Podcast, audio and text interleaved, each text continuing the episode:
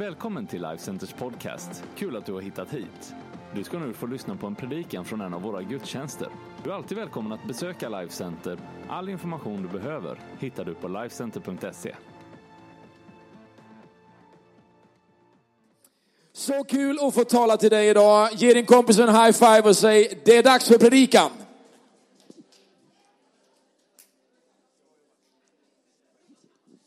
Visst har vi ett härligt lovsångsteam? Det finns mycket i röret och mycket som är på gång med hela vårt kreativa arbete och du kommer att få reda på mycket, mycket mer när vi kliver in i det som är hela vårt Heart for the House som kommer att dyka upp och redan nästa söndag så, så eh, kickar vi igång lite av förberedelser inför det. Så varmt välkommen att haka på nästa söndag. Eh, mycket spännande saker faktiskt och eh, härliga, härliga utmaningar som vi står inför. Idag så eh, så hoppas jag att ni är vakna. Jag vet inte hur många av er som varit uppe och tittat på massa cage fighting i natt. Inte någon här, en där. Ja. Det, ble, det avslutade, det var, har varit alltså en match i Las Vegas, eller det var tio matcher i Sverige, i, i Las Vegas i natt, bland annat en svensk eh, kvinna som eh, fightades. Och eh, allt slutade i, i ett totalspektakel här på morgonen idag. Eh, det är för övrigt ganska mycket det som är i världen i övrigt också, lite totalspektakel. Det är omröstningar, det är eh, regeringsbildningar, det är, eh, det är mycket knepiga grejer som pågår. Men den här veckan så var det också en vecka som, som jag tyckte var positiv och det var när vi fick reda på fredspristagarna i år. Och det som har gjorts vid Panzisjukhuset Eh, och det fantastiska arbete som görs mot sexuellt våld i, eh, i krigssituationer och det betryck som finns där. Så gör allt du kan för att faktiskt eh, fira det som är glädje mitt i så mycket som är svårt. Och, och, uppskatta det och tacka Gud för att det faktiskt finns uthållighet hos människor som tror på det de gör och hänger i och jobbar vidare. Eh, så med det som grund så tänkte jag tala till dig idag faktiskt omkring ett tema som jag hittar i Bibeln som handlar om att Gud vill ge dig en chans till. One more chance. En chans till. Och vi ska eh, gå till en text som handlar om egentligen det som vi alla ställer oss som fråga. Vad är mitt why? Vad är mitt varför? Varför är jag här? Vad är det som egentligen driver mig? Vad får mig liksom att hänga i? Och vad får mig liksom att eh, göra någonting med mitt liv? Vad får mig liksom att eh, leva en dag till? Och inte bara leva på och liksom att tiden flyter iväg, utan att det jag gör blir liksom någonting som har substans, någonting jag kan vara stolt över, men också det som talar till mig om att jag faktiskt betyder någonting i den här världen. Och då är det ju så här att hela livet kan inte bara handla om att du ska förverkliga dina drömmar. Och det där kan ju liksom kännas som en paradox, va? Därför att, eller ett motsatsförhållande då, att, att eh, jag vill känna mitt varför eller känna till mitt why, alltså varför är jag här, vad gör jag, varför gör jag det jag gör? Samtidigt som det inte handlar om dig. Därför att många människor de fastnar i att det handlar så mycket om en själv, alltså att hela universum kretsar omkring mig som person, som eh, ungefär eh, alla planeterna kretsar kring solen i våran galax här då. En del människor jag möter när jag jobbar med rådgivning har fastnat så mycket i att allting handlar om jag, mig och mitt. Så man har inte chansen att komma ur det som är en låsning. Därför att allting handlar om jag, mig och mitt. Alltså jag har själv blivit, blivit mitt stora why. Jag existerar, jag finns här därför att det handlar om mig. Det handlar om mitt liv, det handlar om att jag ska förverkliga det som är mina drömmar, mina intressen, mina ambitioner. Och så blir vi alla fixerade vid någon form av do it yourself. DIY. Do it yourself. Gör det själv. Nu är det tid för mig, för nu är barnen stora, nu ska jag satsa lite på mig. Jag behöver ha lite mera me time. Har du hört det någon gång? Jag undrar egentligen om det fanns så mycket me-time på 1700-talet eller 1800-talet, för man kämpade ganska mycket för liksom andra saker. Alltså när det mest basala tog över, va? Då, då kämpar vi för överlevnad. Men så får vi mera tid. Så får vi mera, ska vi säga, energi, eller vi får, jag vet inte om vi får energi, men vi, får, vi vill, vill, ha energi i alla fall. Och så, och så fastnar vi i en låsning att det är jag, mig och mitt. Va? Och så ser jag, när jag jobbar med det här, att vi måste hitta ett why som är större än att allt kretsar omkring mig. Om vi ska må bra. Ett större why. Och jag kan ge dig liksom min, min, min eh, huvudtes redan från början. Det handlar om att tjäna Gud med sitt liv.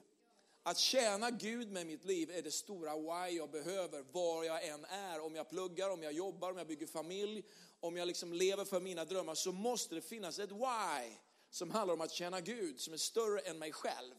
Det är Gud det handlar om och att tjäna honom. Och vi ska gå till en text i Lukas kapitel 13 och vers 6 till 9. Och där står det så här. Sedan berättade Jesus, den, Jesus denna liknelse.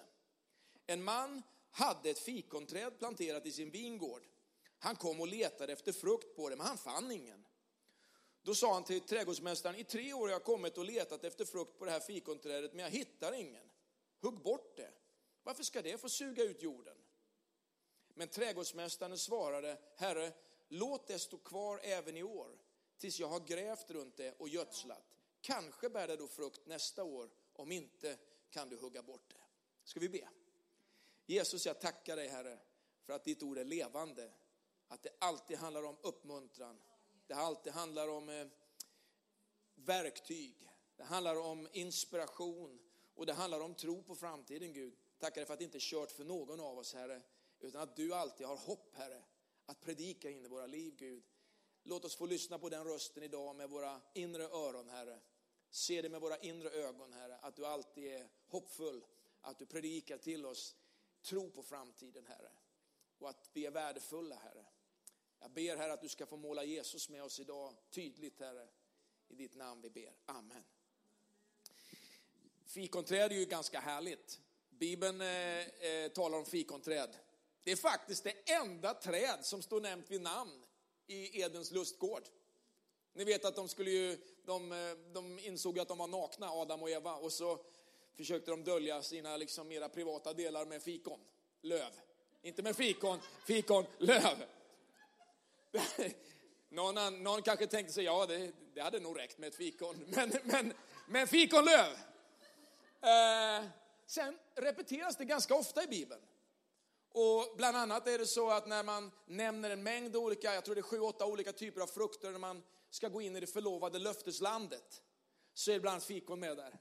Och Jesus, han, eh, han dyker ofta upp i samband med fikonträd. Han förbannar ett fikonträd så det inte bär någon frukt. Och så kommer en liknelse, en berättelse här om ett fikonträd som inte bär frukt, men som i liknelsen, han ger en uppmuntran om att det finns en chans till. Ge det här trädet en chans till.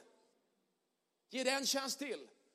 Och det är någonting som jag tänkte hänga kvar vid idag. För att förstå, låt mig bara hjälpa dig, för att förstå Bibeln så måste du förstå och läsa Bibeln på det sätt som Gud vill att du ska läsa Bibeln. Och då är det ju så här att en sak, det är ju att känna till vad Bibeln säger. Eller hur? Många människor som inte är Jesus troende har läst Bibeln. Men det innebär inte att man är mer troende för det. Därför att man måste sätta tro till bibelordet. Man måste tro att det har liksom kraft att förändra ens liv. Och att ha makt att skapa någonting i mig. Och det är det som den heliga ande gör när han lyser på ett ord, när vi läser Bibeln och så gör han det levande för oss. Jag kan läsa en text som jag läst 250 gånger innan och så upptäcker jag någonting nytt i den. Han gör det levande för mig. Det blir applicerbart in i mitt liv. Och eh, det är också en viktig sida av det här med Bibeln, det är att man förstår att det är skrivet i en kontext. Va? Det är skrivet liksom i ett sammanhang. Många gånger så kanske vi kan rycka ut en bibelvers eller, eller, eller ett sammanhang, men så, om det inte är placerat i sitt sammanhang så blir det lite svårare att förstå vad det handlar om. Det finns många kända bibeltexter som människor har vridit helt fel. Till exempel vad Paulus skriver om kvinnor till exempel, eller kvinnan. det är ofta väldigt feltolkat, för det är tolkat ur vår kontext, inte den tidens kontext. Där till exempel en slav hade större eh, möjligheter att bli trodd eller accepterad i en rättegång än vad en kvinna hade med sitt ord. Så när, när, när Paulus till exempel undervisar om kvinnans tjänst i Bibeln så är det revolution. Va? Därför att han sätter inte den typen av begränsningar. Nu är ingen jude eller grek, man eller kvinna, alla är ni ett i Kristus Jesus. Det är ju liksom som att sätta foten rakt på minan. Va? Det är revolution Bibeln. Bibeln är fantastisk i sitt sätt att ge oss klarsyn, men vi måste liksom också läsa den ur sin kontext. Va? Samtidigt så vill Bibeln tala rakt in i våran tid. Det är liksom inte bara då, det är här och nu. Det är levande och verksamt här och nu.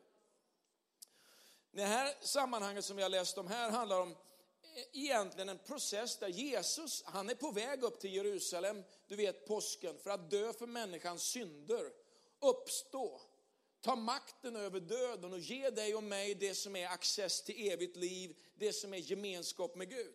Och på den här resan på vägen upp till Jerusalem så är det massa händelser som, som inträffar. Han, eh, han har sänt ut de 70 eh, lärjungarna, det var inte bara de 12 som liksom följde honom, det fanns andra och gå före honom. Han har besökt två systrar som heter Marta och Maria. Och den ena stressar runt jättemycket och den andra liksom vill lyssna på Jesus. Och han ger perspektivet av att inte bara rusa på i livet, utan det gäller också att ta vara på livet. Och han har drivit ut en demon och han har uppmuntrat lärjungarna och han har sagt till dem att jag känner allt och Gud känner allt. Han känner till varenda hårstrå på ditt huvud. Han säger att du är värdefull. Han säger att eh, du du liksom, eh, eh, alla sparvar i hela världen, liksom, eh, ja, Gud känner dem, men han, han, han har ändå liksom lagt ett större värde på dig. Han, eh, han har eh, sagt till dem att de ska hålla sina lampor brinnande och han har talat om att han inte bara skulle gå till Jerusalem och dö för människors synder, han skulle komma tillbaka en dag. Och för den som tror på honom gäller det att vara beredd på att Jesus vill dyka upp i våra liv. Han vill komma tillbaka, han vill ständigt vara närvarande i våra liv. Och han har talat till dem om att, att eh, de ska vara uppmärksamma på tidstecknen. Att, att liksom alla olika säsonger de kan förebåda någonting och det finns saker som talar om när Jesus kommer tillbaka. Men tror ni verkligen på det där kanske någon säger? Ja visst tror jag på det. Jag tror att vi lever inte bara nu, jag tror på det Bibeln säger om att Jesus inte bara kom utan han ska komma tillbaka. Och att det finns en evighet som vi kan gå in i tillsammans med honom som inte bara handlar om där och då utan att det, den evigheten och det livet det börjar här och nu. Genom en tro på Jesus. Och att det som är döden det är bara en passage till det eviga liv som fortsätter. Men det livet börjar inte bara då utan det börjar redan här och nu. Så när vi döper oss, när vi möter Jesus, när vi delar gemenskap med honom så är det starten på ett liv som, som inte har något slut. Va? Hans kärlek har liksom ingen ände. Va? Den vill bara fortsätta och den ska fortsätta i våra liv. Och så hamnar vi i det här sammanhanget. Där det är massa grejer som händer. För det är lite tufft för dem som följer Jesus. Det är tufft att leva under en ockupationsmakt och Pilatus han har precis dödat och mixat blod av några eh, galileer med hedningar. Va? Och liksom, det var liksom en stor oförrätt, en stor, liksom, det mest fruktansvärda som kunde göras, det var att blanda blodet på det som var löftesfolket med, med, med sådana som egentligen man trodde då att Gud avskydde eller Gud inte ville ha med att göra. Och det har varit en katastrof i landet, en stor torn som har rasat och många människor liksom har dött. Och folk pratar om de här grejerna och berättelserna kommer till Jesus. Va? Har du hört det här? Det här har hänt med de som, som liksom, eh, blev utsatta för Pilatus liksom, eh, hårda regim. Va? Och det här är katastrofen som har hänt. Det har varit liksom en jordbävning eller någon byggnadskonstruktion har pajat. Va? Och så kommer då Jesus in i den här berättelsen och ger den här liknelsen om det här fikonträdet. Och vad handlar då det här om? Jo, det är så här att den här berättelsen handlar om att det judiska folket liknades vid en, ett fikonträd. Men man är som ett fruktlöst träd. man har en image av liv, men man bär ingen frukt. Vi har det. Vi har liksom content. Vi har kraft. Vi är det, ut, liksom, det, det, det förlovade folket, det är liksom det Guds löftesfolk. Vi är de som Gud älskar. Men vi lever inte på ett sånt sätt som den som är älskad av Gud. Och Johannes döparen, han har kommit och vi kan läsa om i Lukas att, att han, han säger att yxan är satt till roten av det där trädet.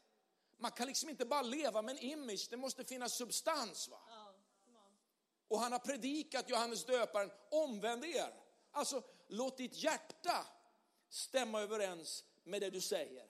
Alltså att du inte bara säger saker, utan att det finns liksom, eh, eh, att det finns liksom en koppling mellan vad du innerst inne är och tycker och tänker och tror med det du säger. Och Jesus han har nu predikat och vandrat bland folket i tre år, men man har ännu inte sett någon större förändring, utan vad han är på väg upp mot, det är faktiskt en situation när man kommer återigen höra korsfäst. Bort med honom. Så det är klart att det finns en sorg över att man ville att så mycket skulle hända för det folk man älskar. Det folk Gud älskar. Men som har en image av kraft.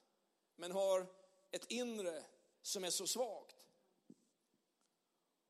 Och då säger Jesus så här att ingen som dödats eller fått sitt blod blandat med hedningar på order av Pilatus eller när det här tornet i Siloam har rasat är en större syndare än alla de här andra. Men, står i vers 5, kapitel 13 och vers 5, om ni inte omvänder er så kommer ni att gå samma öde till möte som alla de andra. Alltså att det finns någonting i omvändelsen. Johannes döparen han predikade, omvänd er, Guds rike är nära. Jesus predikade, omvänd er, Guds rike är nu här. Det är här. Wow. Alltså Guds rike, det är inte bara när jag dör. Det är inte bara för några speciellt liksom religiösa. Det är här. Och genom att förstå Jesus, lyssna till honom, lära känna honom, kan man få bli en medborgare i det riket. Få bli en del av hela det livet som medborgarskapen i det riket kan ge. När jag läser det här så inser jag att Gud kunde ha dömt den här nationen men han vill ge dem tid för förändring. Han vill ge alla människor tid till förändring. Gud längtar efter förändring. Gud längtar efter äkthet. Men det finns en personlig tillämpning på det här också. Och det är ju att vi ska bära frukt för att Gud ska bli ärad. Men det finns ett skifte som behöver ske. Och vad är skiftet när man läser den här texten? Jo, istället för att ställa sig frågan, varför hände det där? Varför rasade det där tornet? Varför väljer man en sån domare? Varför händer alla de här katastroferna i Syrien? Varför sker alla de här grejerna? Så behöver frågan istället gå över till varför lever vi här? Det ena liksom är där borta. Det är liksom filosoferande, det är orättvisor, det är känslor, det är tankar, det är sanning, det är integritet, det är rättvisa. Give me justice. Men här så finns svaret på varför lever vi här? Varför lever vi? När jag läser den här texten och ser det här så ser jag huvudbudskapet och det står här i vers 8 i kapitel 13, men trädgårdsmästaren svarade, Herre, låt det stå kvar även i år. Eller New Living Translation säger så här, eh, Sir, give it one more chance. Give this tree one more chance. Och jag är så glad för det. Leave it another year. I will give it special attention. Plenty of fertilizer. Jag ska ge det speciell uppmärksamhet. Mycket gödning. Give it one more chance. Det är ju fantastiskt. Kanske lever du med samma text i ditt sinne som skapar en bild av dig fast du tänker på kanske det vi läser tidigare i vers 6 så står det talas om och, och, vers 7 här va, att i tre år har jag nu kommit och letat efter frukt på det här fikonträdet men jag hittar ingen. New Living Translation som jag läste innan, det säger så här att eh, eh, han säger att, eh, att, eh, att, eh, att eh, a man planted a fig tree in his garden and came again and again to see if there was any fruit on it, but he was always disappointed. Det här låter som eh, någon människa jag har mött någon gång. He was always disappointed. Varför händer inget? Varför blir det inte mer av alla mina försök och mina insatser? Jag har väntat tre år. Det har inte blivit ett enda fikon på trädet. Hugg ner det. Det tar bara upp space in the garden, står det. It's only taking up space in the garden. Kanske du känner dig som att du bara tar upp plats i trädgården. Det blir ingenting. Du tar bara upp plats. Det är som någon gammal papphammar. Här sitter jag och tar plats. Det är lika bra att jag försvinner och så försöker han ta livet av sig genom att suga på sin eh, gaständare. Alltså, men många människor, de bär liksom på den här känslan av, här sitter jag och tar plats i trädgården. Men Gud, han ser annorlunda. Give it one more chance. Ge det en chans till. Han predikar alltid hopp. Han predikar alltid glädje. Så frågan är ju det som triggar oss. Varför lever vi? Vad är det för mening med våra liv? Finns en mening kopplad till frukt i våra liv? Give it one more chance. Varför då? För att Gud, han är övertygad om att det finns potentiell möjlighet till frukt i våra liv. När jag läser den här texten så är det så skönt. Det är ju tre punkter här. Give it one more chance. Ge det en chans till. Jag ska ge dig special attention. Vet, en pastor han söker ju alltid de tre punkterna. Speciell uppmärksamhet. Eller det tredje som handlar om mycket fertilizer, alltså mycket gödning. Så låt oss gå på de tre då. Det här huvudbudskapet att låta det stå kvar och ge det en chans till. Det är ju faktiskt viktigt för oss allihopa. Därför att Gud han älskar att ge oss en chans till. Gud har alltid tid för oss. Gud har alltid tid för oss. Gud har alltid en chans till för oss. Vi älskar Guds nåd. Va? Gud, Gud, Gud säger inte att det är kört för någon. Gud har tid för oss. Men jag tror att vad vi ibland behöver förstå, det är så här. Vad är det som garanterar att du har den tid du behöver? Är du med? Om Gud har tid för dig, vad är det som säger att du har den tid du behöver för att fånga en chans till? Det är ju en sån här ålder, vet ni, alltså 50-plussare, då man har en del vänner och en del kompisar som kämpar lite med livet. Av både naturliga och onaturliga anledningar, eller det som är sjukdomar, det som är, alltså vi har levt lite längre än att när man är 16 eller 18 år. Och det innebär att ju längre jag har levt, desto mer människor har jag mött som har gått igenom olika saker. Och jag inser att den tid vi har, det liv vi har, det betyder någonting och det är någonting vi ska ta vara på. Därför att vi vet inte liksom om vi har morgondagen. Va? Utan vi har nu. Vi har det här livet. Det här livet har vi att leva. Så låt oss ta vara på det här livet. Låt oss ta den chansen att leva det här livet. Låt oss erbjuda Gud att gräva lite mer runt trädet och att göda trädet lite mer. Och att ta vara på att Gud faktiskt säger, du har en chans till. Det kanske gick lite snett förra halvåret eller förra året eller senaste årtiondet. Men Gud säger, det finns en chans till. Det finns en väg till. Det finns en möjlighet till att göra skillnad. Det finns en möjlighet till att börja uppvärdera det Gud har gjort i mitt liv. PJ, det är inte över för dig. Det är inte färdigt för dig. Och det är så mycket som har hänt i livet som är spännande. Alltså, nu tar jag med kavajen. Det var någon som sa till mig eh, förra söndagen att åh, du har kavaj på dig. Oh, you're dressing your age, sa de. Alltså att du klär dig liksom som den ålder du har. Eh, men, ja, vad jag nu sa det för. Men alltså, någonstans är det ju så här att en gång i livet då drömde jag om att få vara i den position eller på den punkt där jag är idag. Jag skulle igår ha varit tacksam över det jag är med om idag. Men någonstans här idag så är jag ändå lite missnöjd över det jag är idag. Så att jag, jag tror att det finns en utmaning i allas våra liv att leva våra liv med en tacksamhet över att Gud faktiskt har fört oss hit idag. Men att det inte är färdigt, det är inte parkerat. Livets liksom, eh, resa är inte parkerad på den här parkeringsplatsen och det är färdigt här. Det finns mer för oss. There's one more chance. Och det ger ju en annan attityd till livet. Ni vet när vi möter livets alla utmaningar, när vi har de där måndagarna som är bara sådana där vet du, ibland. Och jag har haft sådana här också i livet. Va? Att, det, att det är möjligt att uppleva en chans till. En ny säsong. Kanske har du kommit hit och du längtar efter en ny säsong i ditt liv. Kanske har du brottats med sjukdom eller någon typ av motgång eller någon form av press. Du vet, det finns en press i alla människors liv som, som liksom vill göra någonting med livet. Och Gud, han vill hjälpa dig. One more chance. Guds nåd är enorm. Så förminska inte Guds nåd.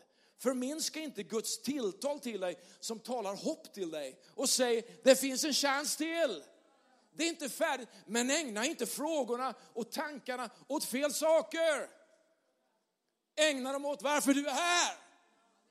För om du kan ägna tankarna åt varför du är här, kanske du kan göra någonting åt allt det som inte är som det ska. Du vet om den här fantastiska doktorn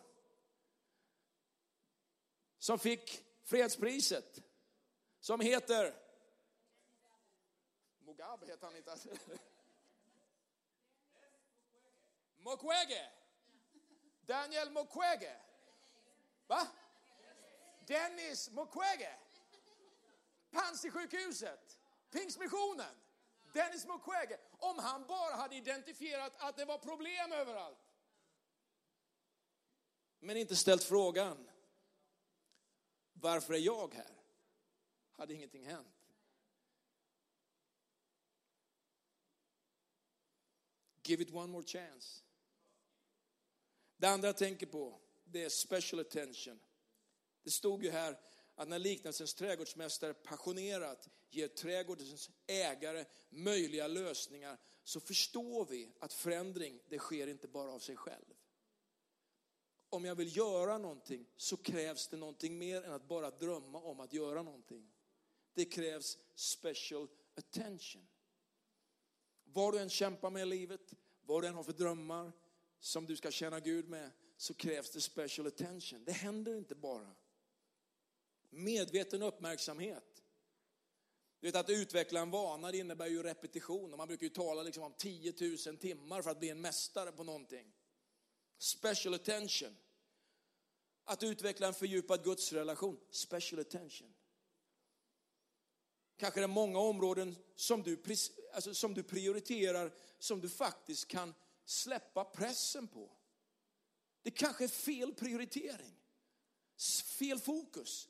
Släpp fokuset på områden som inte är kopplade till varför är du här? Varför är du här? Är första saken vi gör på morgonen att liksom ta upp Aftonbladet liksom och, och börja liksom scrolla igenom alla grejer som har hänt i hela världen? Eller är det liksom att pang, okej, okay, här kommer min första liksom grej idag. Det första jag tittade på idag, det första jag läste idag var de här orden. Ty Gud är en och en är medlare mellan Gud och människor. En människa, Kristus Jesus, som gav sig själv till lösen i alla ställen. Det är skillnad va? att mata sig med det som bygger mig och lyfter mitt liv än att fokusera på alla de här why, alla de här varför som finns i livet och komma tillbaka till varför är jag här? Special attention. Det finns områden som du kanske ska släppa pressen på och inse att Guds nåd är enorm. Att Gud är för dig. Att du kan slappna av. Jag tänker på andens frukter va? som du kan läsa om i Galaterbrevet i kapitel 5. Det står det talas om områden och frukter som du kan få vara bärare av. Kärlek, glädje, frid, tålamod, vänlighet, godhet, trofasthet, ödmjukhet och självbehärskning. Det känns som att jag skulle behöva göda och jobba lite på några av de här gåvorna, särskilt kanske självbehärskningen ibland. Kanske glädjen ibland. Är det någon som behöver jobba lite på glädjen kanske? Är det någon som skulle behöva göda lite på glädjen idag? Är det någon som skulle behöva uppleva hur man kultiverar kanske lite mer vänlighet? Det kanske är någon som skulle behöva kultivera lite mer trofasthet i sitt liv. Gud, han vill att vi ska ge special attention och han vill ge special attention till det som bygger våra liv. En starkare liv tillsammans med honom. De som är planterade, psalm 92, i Herrens hus, de skall blomstra. Plantera dig och blomstra. Nummer tre. Vi kliver in på det, avslutningen här. Mycket gödning. Det behövs ibland extra gödning för att växa till. Vad är gödning i ett liv? Jag ska be teamet komma fram. Vad är gödning i våra liv? Alltså, jag vet ju ibland liksom att jag har plockat fram gödning i min trädgård på min gräsmatta. Och någon gång så har jag ju dunkat på den där liksom strollermaskinen där ute och så det har blivit allt annat än bra. Det finns, inte, det finns områden på min gräsmatta, det växer inte ett grässtrå på grund av att jag har gjort fel alltså. I fel tid, fel prylar, fel grejer. Men det som är det fantastiska med Gud är att Gud vet vad vi behöver. Han vill göra saker i rätt tid. Gödning, vad kan gödning vara? Ja men det är ju att placera sig i en bra miljö, eller hur? Om de som är planterade i Herrens hus ska blomstra, betyder det att allting som sker i Herrens hus bara är bra grejer? Nej, men man kanske möter många bra människor, men man möter en del andra människor också. Har ni gjort det? Och varför tar jag upp det här? Jo, därför att det är så här att om du läser din bibel och går till exempel till Apostlagärningarna 2, vers 48 och framåt så står det så här, lyssna här. De deltog troget i apostlarnas undervisning, brödsbrytandet och bönerna. Okej, okay, ni är med? Apostlarnas undervisning, brödsbrytandet, bönerna, det innebär, okej, okay, vi behöver ett andligt ledarskap, vi behöver bra undervisning, det är bra att prata med Gud, eller hur? Och sen så går det vidare i texterna och vi läser om dem. Så står det talas om liksom att de deltog troget, va? De är i hemmen, eller hur? De bryter böner, det brödet tillsammans, de har gemenskap, social gemenskap. Det står talas om liksom att de säljer allt och de är, lever generösa liv. Och det står talas om att de faktiskt upplever att människor runt omkring de kommer och läggs till församlingen och, och tror liksom därför att någonstans så lever de ett utgivande liv. Om du läser det här sammanhanget och framåt så kommer du lära dig att det finns mängder av olika saker som är Guds gödningar i våra liv. Som du, du kan inte utveckla ett kristet liv som en solokörare. Du behöver andra människor. Du behöver människor som den här killen som alltid ger mig uppmuntran va, när, jag, när jag möter honom. Han är så glad, han är så fin, han är så han, han uppmuntrar. Sen vet du, så har jag en sån här svåger. Va? Det här är min svåger. Va? Alltså någon gång vet du så, jag, jag tar honom för att det är ett säkert kort. Va? Så, så någon gång så har han varit lite tjurig mot mig. Så, det har kanske aldrig hänt, men okej. Okay. Alltså, och jag tycker liksom att han har gjort fel. Va? Men båda sakerna behövs om jag ska växa. Det här är ju inte så svårt att hantera. Eller hur? Men det här, det här är lite svårare att hantera ibland. va? Är du med på det? Har du blivit besviken på någon kristen någon gång? Ja, jag har blivit. Alltså, men vad är det som händer i mig? Jo, det händer ju liksom, jag blir ju konfronterad med mig själv. Hur dealar jag med en situation jag inte själv tycker är så goa? Hur dealar jag med situationer jag själv blir besviken? Slår jag tillbaka? Eller finns det liksom ödmjukhet och nåd i mig? Gud jobbar med mig och jag kan inte växa i ensamhet. Jag måste både det som är gott och det som är mindre gott för att jag ska växa till. För att annars så kommer jag inte liksom att utmanas på de områden där Gud vill utveckla mitt liv. Give it one more chance brother. Thank you, I love you. Give it one more chance.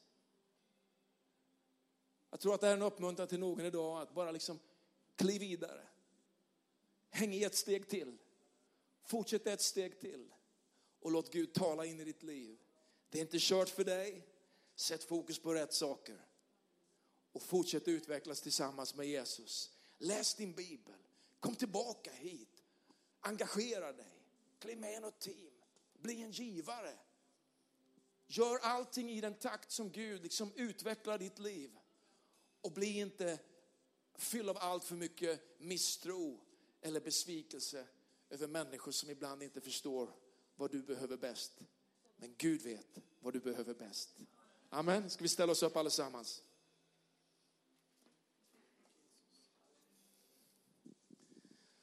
Bara skicka en härlig uppmuntran till dig idag, du som finns här. Och vi ska be tillsammans för dig och för ditt liv. Ska vi göra helt enkelt så här att vi bara lyfter upp namnet Jesus och så låter vi honom beröra våra hjärtan. Jag skulle vilja be en enkel bön tillsammans med dig och för dig som är här och har en längtan efter att bara vandra vidare med Jesus och som har fångat det här idag. Give me one more chance, att det finns liksom en väg till, ett steg till, ett försök till, en uppmuntran till, en, en, en säsong till i ditt liv.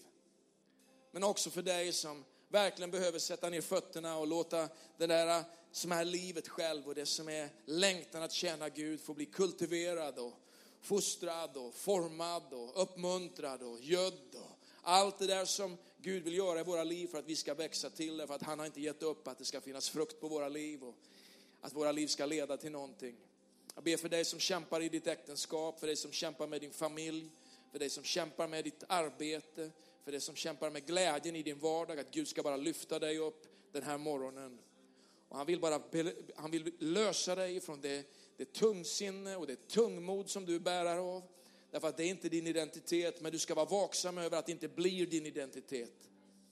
Han har en hälsning till dig idag och han säger att det inte är över, du får en chans till, det finns en chans till, det finns en tid till för dig. Men du behöver släppa tungsinnet, du behöver fokusera på mig och den glädje jag ger dig. Släpp det, låt det vara, let it go!